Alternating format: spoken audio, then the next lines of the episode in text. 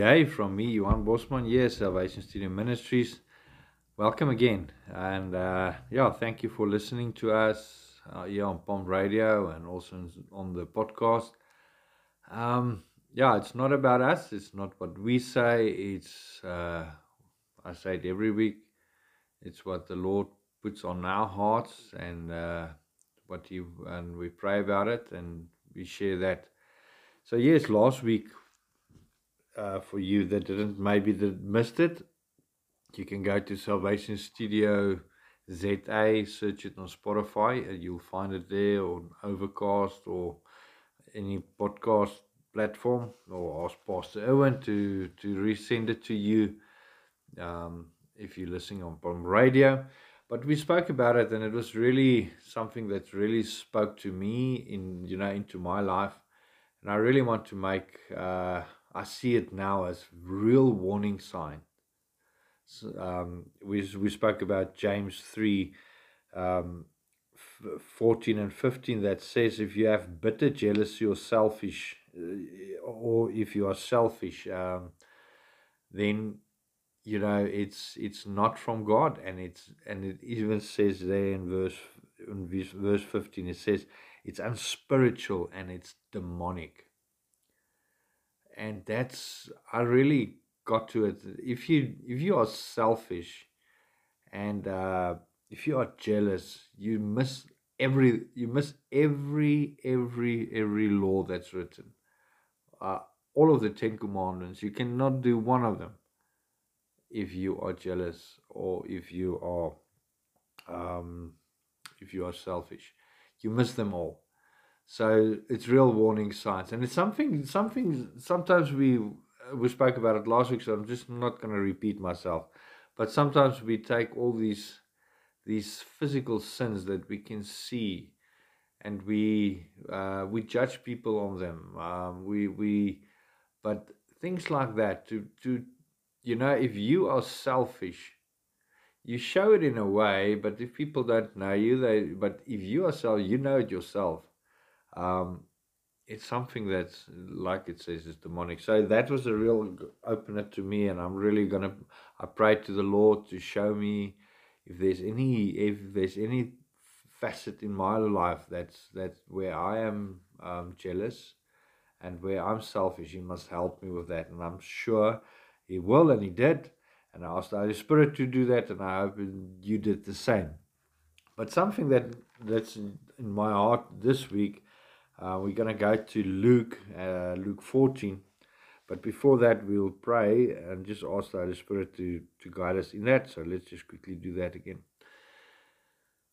Dear Lord, thank you that we know that your word is the truth. Thank you that we know if we open the word of God, the Bible, the Holy Bible, it's the living word and it's the truth and it's you speaking to, to us. Um, I ask you, Holy Spirit, to come to us, to open our hearts, to take out all the things that's happening around us, and just tell us what you want us to hear. We pray it in the name of our Lord and Savior, Jesus Christ, and we all say Amen. So, if we read through John 14, we say uh, in the beginning, it's, it's uh, it says with the healing of the man on the Sabbath. We, we know what happened there in the Pharisees and the Sadducees and then, but we're going to go to the parable of the wedding feast. And now I, uh, for those who know, I do I do on weekends. I do we um I do weddings. I'm a I'm a DJ as well. So uh, I feel that um, God is working with me in that field. I I try to do my ministry in that in a way that uh, it's a beautiful thing. The wedding. Uh, it's so so beautiful. And the enemy the satan is attacking it all the time. He's breaking up marriages. It, it's not in his uh you know he doesn't want to be at the wedding but he's always there. You know because there's always liquor and a party going with it and a feast. But in that there's beautiful things. And i always say this these it's so beautiful and i see it every weekend is these two families becoming one. And um, as the bride and the groom and their families, and, and God is speaking through the whole Bible. It's, God is love. Um, he's using the marriage to, you know, we know the um, the church is the bride and Jesus is the groom, and um, and yeah, so it it's just wonderful how it how it all works. But yeah, Jesus is telling them a parable of the wedding feast, and um, so let's read through it, and then we will speak about it. Because in this selfishness that we spoke about last week, and this jealousy thing, um, if you are not selfish, the main thing that you will do is become more like Jesus, what Jesus came and did for us. You'll be a servant and you'll be humbled. You will be humbled. You um, and that is humbleness to become humble and how to do that and what is your reward on that. So let's just read through it from verse 7. We'll read out of the ESV version. It says, Now he told a parable to those who were invited.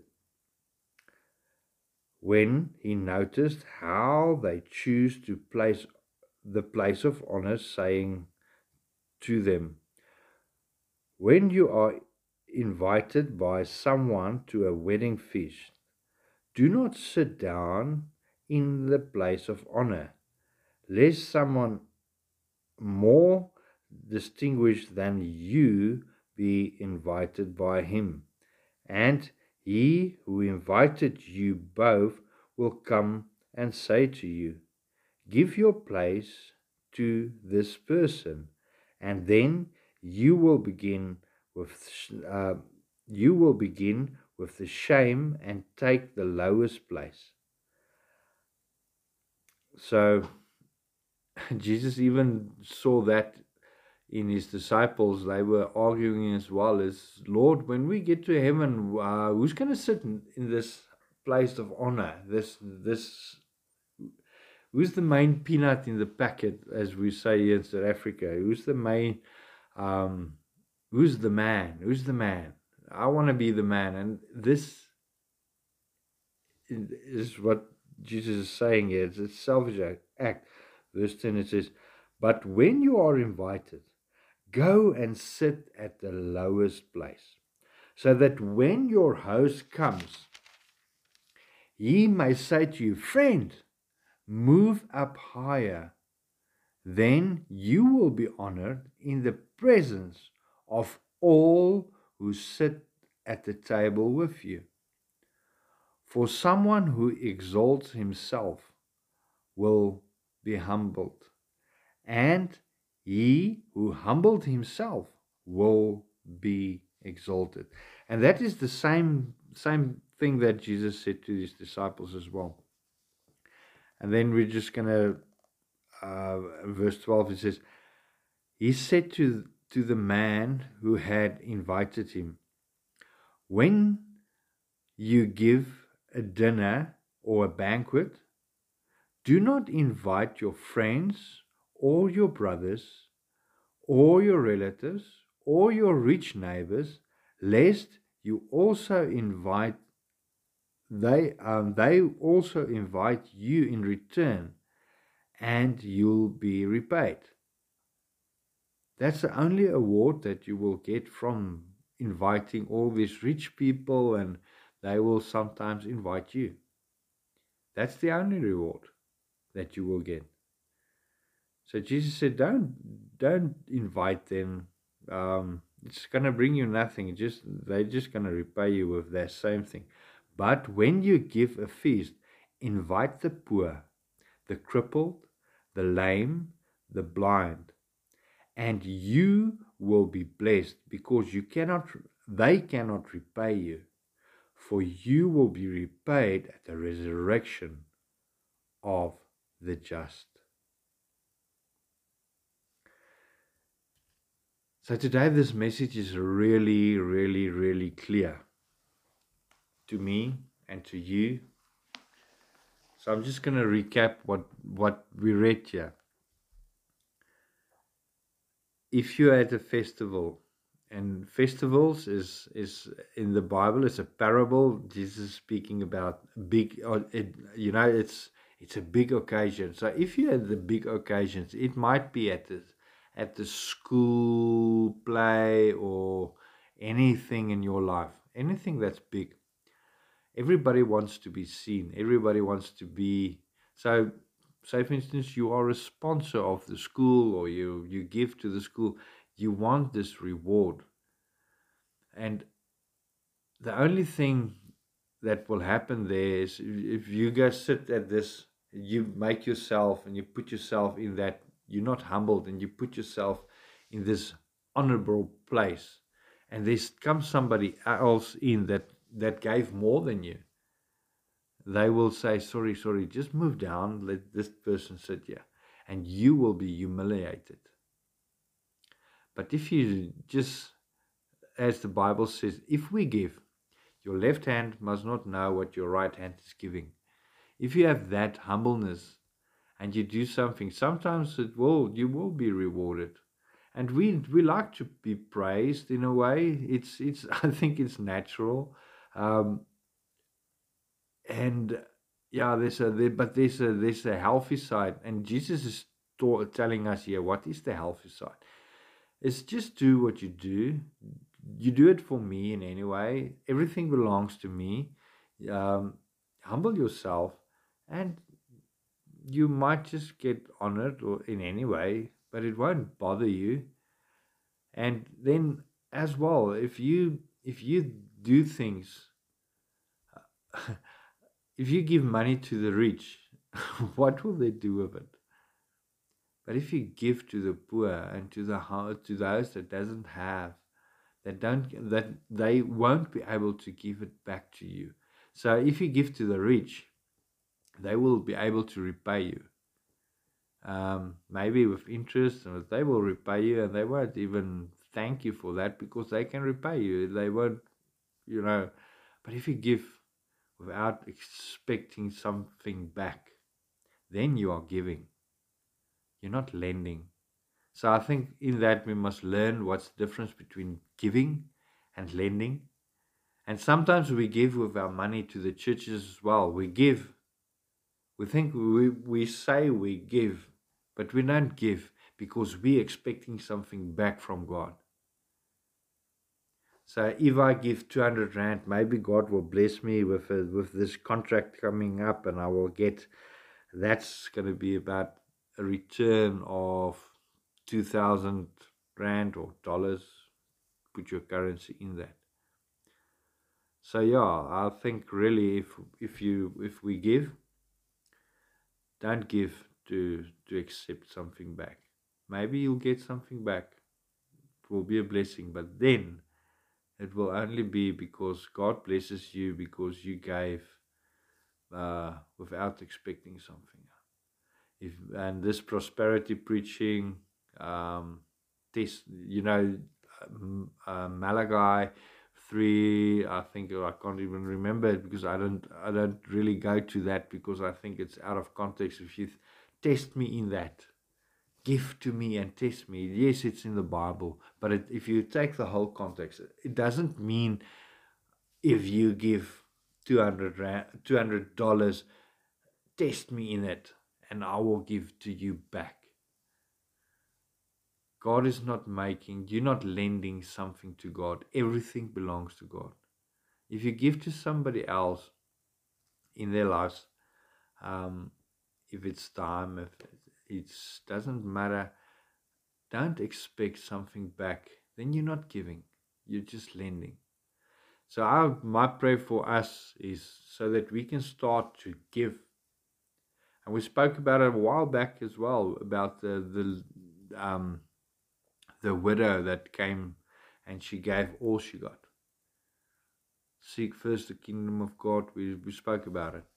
But yeah, my prayer is really so that we know that um, to humble ourselves, not expect, expecting something back.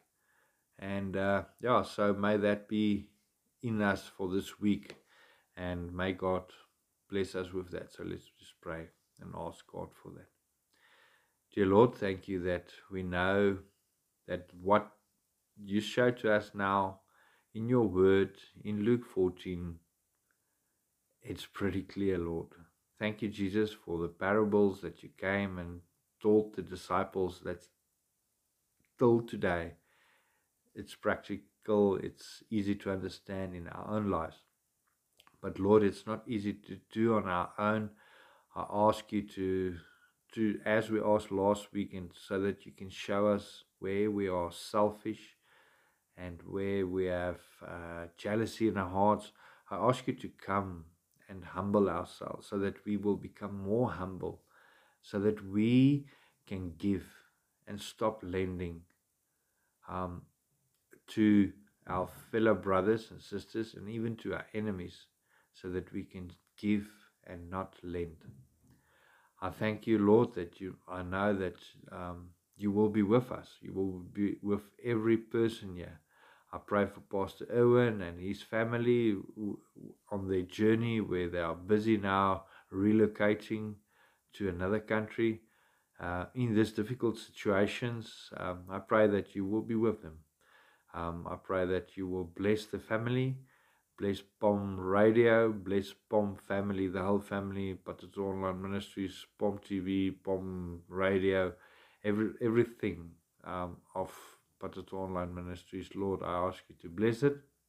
Also for Salvation Studio, and we pray for Ukraine. We um, thank you for people that that uh, that give to Ukraine without expecting something back because they can't give back. Open our hearts, Lord. Um, tell us how we can give without expecting something back. We pray in Jesus' name. Amen. Thank you, Pastor Owen. Thank you, POM Radio, where we help listeners believe. From me, Johan Bosman, your Salvation Studio Ministries, we greet you in the name of our Lord and Savior, Jesus Christ. Shalom.